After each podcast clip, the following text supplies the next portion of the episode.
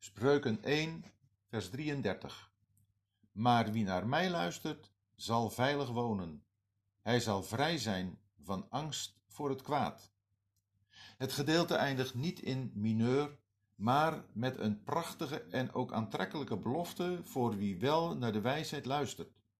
Wat hij krijgt is een permanente, niet te verstoren veiligheid.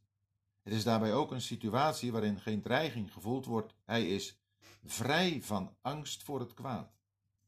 Luister naar de wijsheid biedt bescherming tegen het kwaad. Dat is het grote contrast tussen de valse zekerheid van de goddelozen in het vorige vers en de ware en blijvende vrede van de rechtvaardige die naar de wijsheid luistert in dit vers.